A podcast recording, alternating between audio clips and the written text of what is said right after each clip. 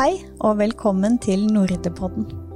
Jeg heter Leonora Bergsjø og leder Norde, Norsk råd for digital etikk. Gjennom denne podkasten vil vi utforske temaer knyttet til teknologi, og reflektere etisk over hvordan teknologi kan brukes til beste både for individ og samfunn. Dagens tema er koronapandemien, og hvordan digitale medier er blitt enda viktigere for å holde kontakt med venner og kjente. Så vi spør hva har nettbruk gjort med unge og deres helse? Vi skal også snakke om jenter og gaming, digital dømmekraft og digital medieforståelse. Om det rådet som er blitt opprettet for å lage en nasjonal strategi for kritisk medieforståelse. Alt dette og mer skal vi bli klokere på sammen med Petter Brandtzæg. Han er professor ved Institutt for medier og kommunikasjon ved Universitetet i Oslo, og har også en bistilling som sjefsforsker ved Sintef Digital. Petter er en kjent forskningsformidler og samfunnsdebattant, og har jobbet med temaet menneske og teknologi i over 20 år. Under koronapandemien har han forsket på unge, medier og helse. Velkommen til oss, Petter Brandtzæg. Tusen takk for det. Fortell litt om hva du forsker på akkurat nå. Jo, altså nå er vi i den situasjonen at vi, vi er i den første pandemien på over 100 år. Og det er jo skremmende for veldig mange av oss. Og virker jo inn på livene våre i veldig stor grad. Um, og kanskje så virker dette særlig inn på unge mennesker. Fordi unge mennesker ofte er i en fase av livet hvor de på en måte er avhengig av det sosiale i veldig stor grad. For det er da de skal skaffe nye venner, nye nettverk. Kanskje også en fremtidig kjæreste og lignende. Mens vi som eller i hvert fall jeg, da, for å snakke på meg selv, har jo på en måte en familie. Jeg har barn, jeg har en jobb, jeg har et nettverk. Og blir i mindre grad egentlig berørt, utover at jeg må ha hjemmekontor. Mens disse unge, de ønsker jo å å mingle mer og ha venner og kjente og få nye venner og kjente.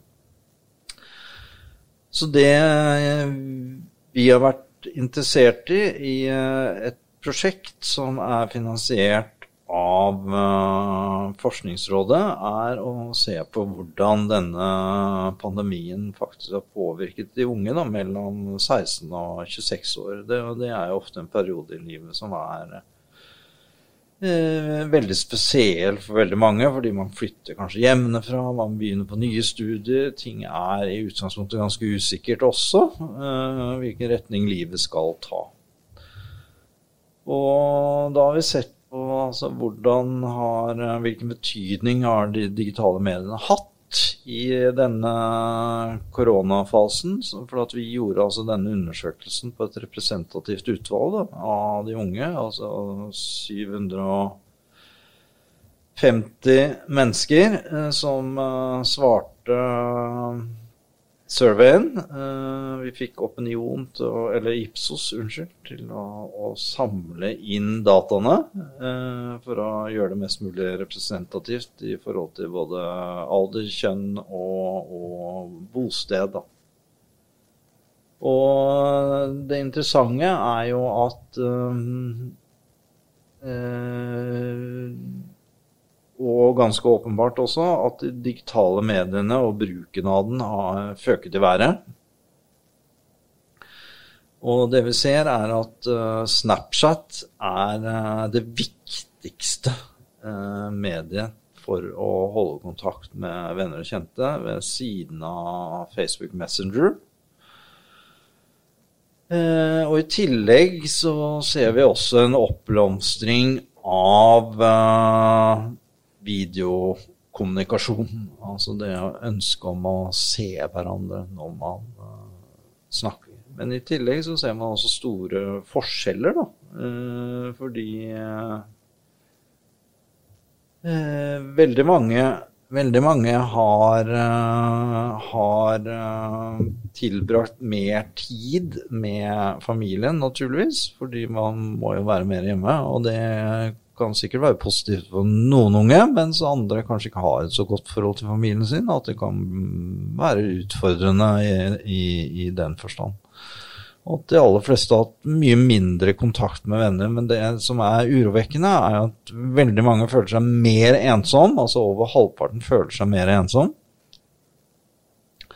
eh, nå enn før eh, koronaen. Og over halvparten også rapporterer om at de er misfornøyde med livet sitt nå sammenlignet med koronaen. Sånn at, eh, og dette føyer seg inn i et uh, egentlig internasjonalt bilde, da, for det begynner å komme ganske mye studier nå. Hva, hvordan påvirker egentlig denne koronaen uh, unge? Og det man ser både i Kina, Italia, USA, er at det får ganske mange psykiske konsekvenser til tross for denne enorme tilgangen man har til digitale medier. Eh, sånn at eh, de digitale mediene Man skulle jo tro på en måte at Eller man har vært vant til å tenke at de digitale mediene vil kanskje Altså er så enormt viktig da, for de unge, men Og det er det jo, men denne offline-kontakten er også enormt viktig, da, for nå, vi, nå har vi undersøkt et tidsvindu hvor de faktisk ikke har disse mulighetene for offline-kontakt som de vanligvis har. Og da ser vi at offline-kontakt faktisk har enorm betydning for, uh, for de unge. Det er ikke bare det digitale. Og dette er jo kjempeinteressant ut fra at vi har sett og, og, tenkt at det var en trend at det ville bli en større og større del av det å være ung og være i kontakt, at det var digitalt. Og så avslører deres da undersøkelse at det fysiske har fortsatt, eh, for psykisk helse i hvert fall, en mm. veldig viktig betydning. Ja, altså det har noe for eh, velvære generelt, og det har, har betydning for din opplevelse av ensomhet. Eh, samtidig så ser vi også at sånn, jo flere timer de er på nettet, jo mer misfornøyde er de også. Det, det går igjen i, i, denne undersøkelsen. Og det er klart det blir mange timer på nettet når det er lockdown. Eh, sånn at vi mennesker har jo behov for å balansere det digitale med det fysiske. Eh, vi er ikke heldigitaliserte. Selv om vi går med mobilen i lomma hele tiden og har uh, nettet tilgjengelig hele tiden og lever i det man kaller for en på en måte always on-kultur, så er vi faktisk ikke always on. Altså. altså realiteten er at dette bildet er mye mer nyansert. Ja, og dette er jo også en generasjon som har vokst opp med det, som vi kunne tenkt at ville tålt bedre å ikke ha fysisk kontakt enn generasjoner som var mer vant til å leve offline. Mm, mm. Så det, det, er også et godt poeng, ikke sant. Fordi, og, og jeg tenker at uh, uh, Det som uh, også er interessant, er jo å se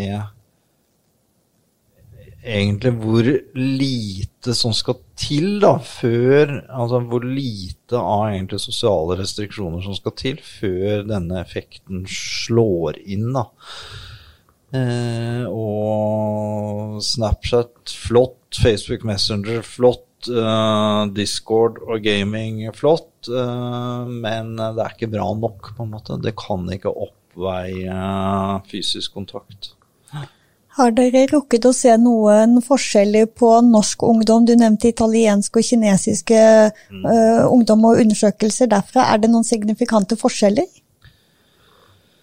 Altså Det vi har sett, er jo at uh, mye av de samme funnene går igjen. Uh, og så kunne man kanskje tro at norske ungdommer har det mye bedre enn uh, f.eks. ungdom i Spania og Italia som har vært nærmest låst inne. ikke sant? Eh, mens uh, norske ungdommer har jo tross alt hatt det litt friere, da. Absolutt. Eh, men det som på en måte er unikt for denne studien, da, sammenlignet med veldig mange av de internasjonale studiene, er at de, mange av de studiene viser jo at de har det tøft. Men det er gjerne gjort på én skole, i en organisasjon eller lignende, mens vi faktisk har da representative tall for en ganske stor aldersgruppe. Eh, du nevnte det med representativitet. Er det noen måter dere kan bryte ned tallene og se f.eks. barn i spesielt sårbare situasjoner? Er det noen, vil det komme flere tall i forhold til mer kunnskap om hvem som har hatt det vanskelig? Ja, altså man kan gjøre mye spennende analyser her. Eh, altså det vi har funnet, er at eh, det er eh, jenter som i større grad da rapporterer å være frustrerte og ensomme, heller enn guttene. Og jeg har en eh, teori på det, og det er at guttene i stor grad har eh, på en måte gama seg gjennom denne perioden. Og har funnet mye glede i det, da. ikke sant? Fordi da kan de gjøre en felles aktivitet sammen i mye større grad enn det jentene har vært i stand til å gjøre over nettet. For de har ikke den samme gaminginteressen som guttene. Ja, og dette er jo da mønstre som er blitt forsterket, som vi allerede så før pandemien, at gutter spiller ja. i gjennomsnitt mer enn eh, jenter, og at de er sammen på litt andre måter. Det er det, og,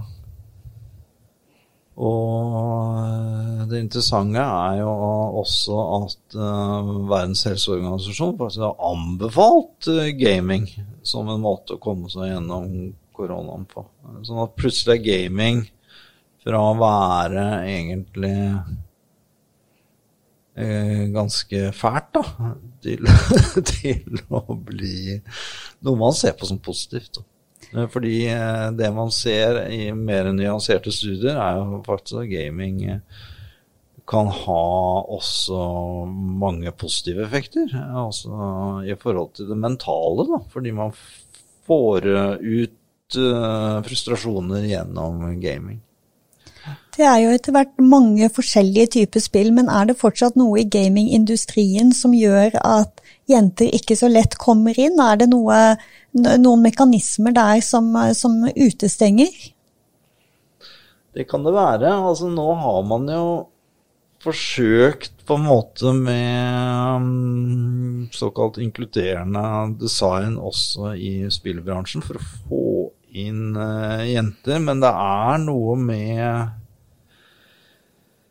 med kanskje hele kulturen rundt gamingen som gjør at eh, det er gutter som i større grad tiltrekkes av det. Altså. altså nå har jo jeg eh, to eh, sønner selv som er på en måte midt i målgruppen for gamingindustrien. Og de forteller jo at det er veldig få jenter som driver med dette men at men dette, det er jo ikke ikke-eksisterende heller. Eh, det er det ikke. Eh, og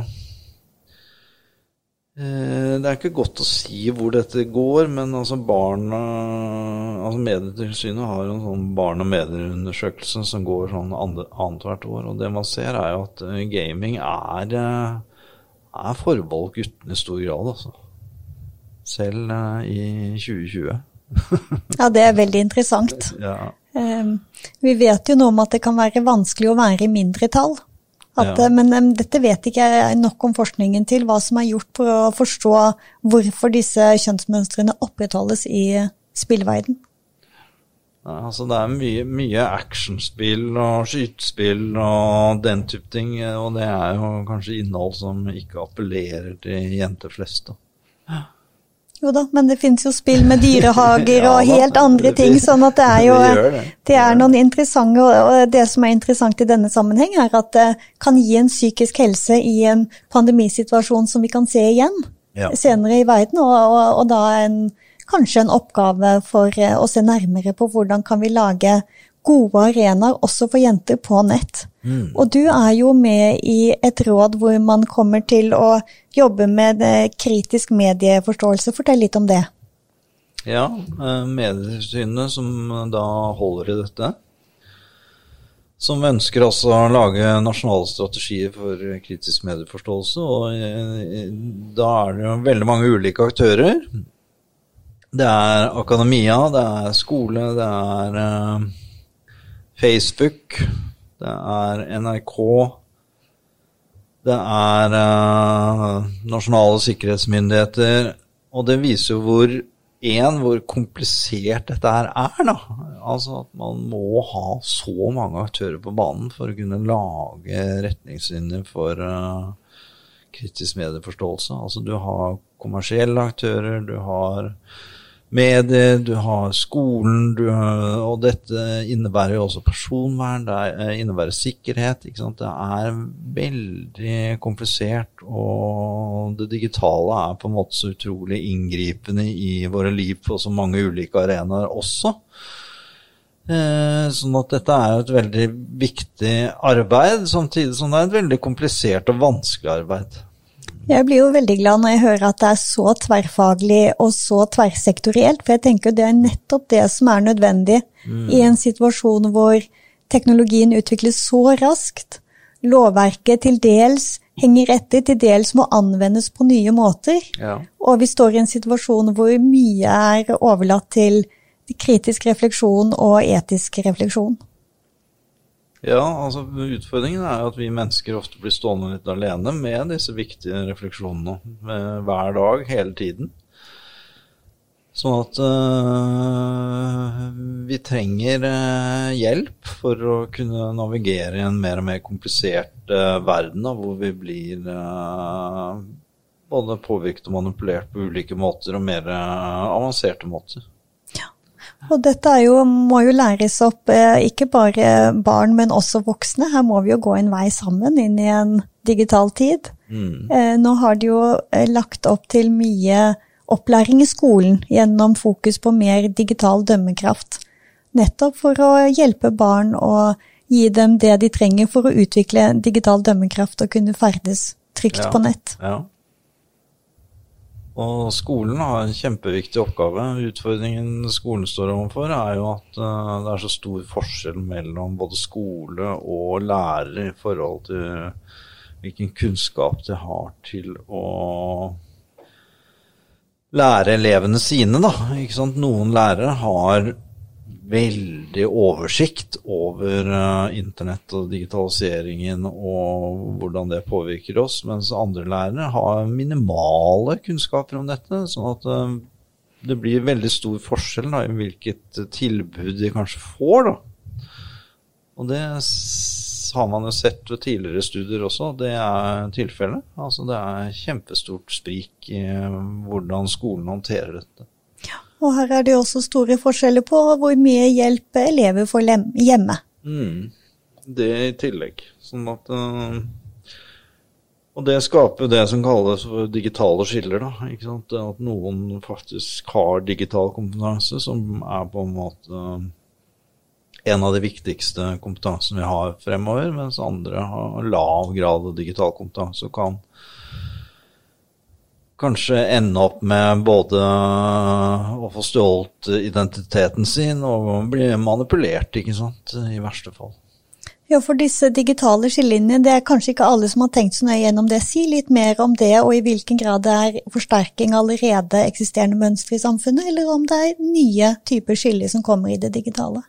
I stor grad så er det jo at eh, de, de rikere blir rikere, og de fattigere blir fattigere. Da. Altså de som i har lav kompetanse på og lave ressurser uh, i utgangspunktet kanskje blir uh, fattigere, da, og at de som er uh,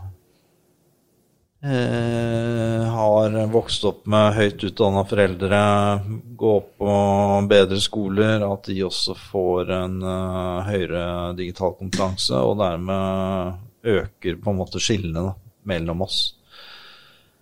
Eh, og det er noe man har sett i USA. Samtidig så er det også noen demokratiserende effekter knyttet til digitaliseringen. Altså det man har sett f.eks. i Afrika, når man har hoppet over på en måte datamaskinen og bare gått rett på smarttelefonen. Uh, at man har Plutselig så har man kunnet uh, lage sine egne bedrifter ved hjelp av smarttelefoni og fått informasjon som man ikke fikk før gjennom smarttelefoni. Sånn at det har jo også demokratiske effekter, dette med digitaliseringen. I hvert fall har man sett det i utviklingsland. Da. Tror du det vil være mulig gjennom en sånn nasjonal strategi å legge vekt på å bygge ned disse digitale skillene og få frem nettopp dette positive du nevner som en mulighet til mer demokratisering? Ja, det får vi håpe. Men, eh, og det, det kan tenkes, det. altså. Eh, nå, nå, er det veldig interessant å se hvordan skolen har utviklet seg på veldig kort tid gjennom koronaen, med at uh, veldig mange har gått over til læringsbrett uh, i hui og hast, ikke sant. Uh, og det kan jo tenkes at de elevene som har hatt en vegring for å gå i skolesekken for å hente opp papirbok og, og ukeplan og alt det der, ikke sant? det er um, kanskje en kraftfull vegring til og med mot å gjøre det. Jeg har en mindre vegring mot å hente opp læringsbrettet, som kanskje kan virke mer motiverende. Da. Men det blir spennende å se hva den effekten faktisk eh, blir. Ja, og dette er jo noe vi vet for lite om, sånn som eh, vi snakket om. Det gjør vi, det vil jeg påstå. Nå er det veldig mange som er skeptiske til den utviklingen også. og mener kanskje at uh, det ikke er så positivt, men uh, vi får se. Mm.